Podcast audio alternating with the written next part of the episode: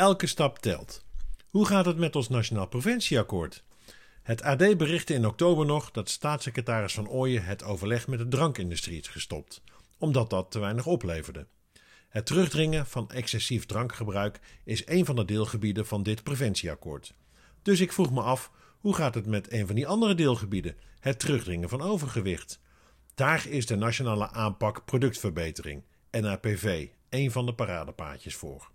Waar industrie, horeca en out of home gezamenlijk met de overheid afspraken maken voor verdere verbetering van het productaanbod. Ik vroeg het me af omdat er meer aandacht lijkt voor het internationale keuzelogo Nutri-score. Daar waar de informatiecampagne voor de nationale aanpak productverbetering Elke stap telt samen op weg naar een verbeterde productsamenstelling in 2030 heet, lijkt het er nu soms op dat vooral elke letter van Nutri-score telt. Begrijpelijk, want daarmee kun je daadwerkelijk op de voorkant van je producten laten zien dat je een stap hebt gezet. En niet alleen in Nederland, maar in verschillende Europese landen. Gezien de uitdagingen waar de industrie momenteel mee geconfronteerd wordt, zoals de grondstof- en energieprijzen, is het kunnen communiceren over verbeteringen bijna randvoorwaardelijk. Een goede Nutri-score is een mooi marketinginstrument en als het ook leidt tot productverbetering is de winst dubbel. We moeten echter wel oppassen dat we productverbeteringen als doel op zich niet uit het oog verliezen.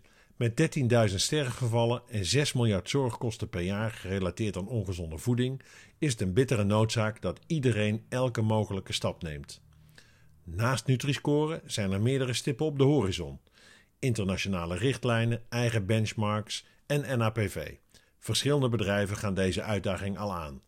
Zoals de campagne voor NAPV zegt: elke stap telt, zo zouden alle marktpartijen elke mogelijke stap moeten nemen. En dat gaat wat mij betreft over meer dan alleen de samenstelling, maar ook om portiegrootte, de plaats en vorm waarin producten worden aangeboden en de manier waarop ze vermarkt worden. Dus laten we echt elke stap meetellen, ook als je er niet over kunt communiceren met de consument. Samen op weg naar een verbeterde productsamenstelling in 2030, linksom of rechtsom.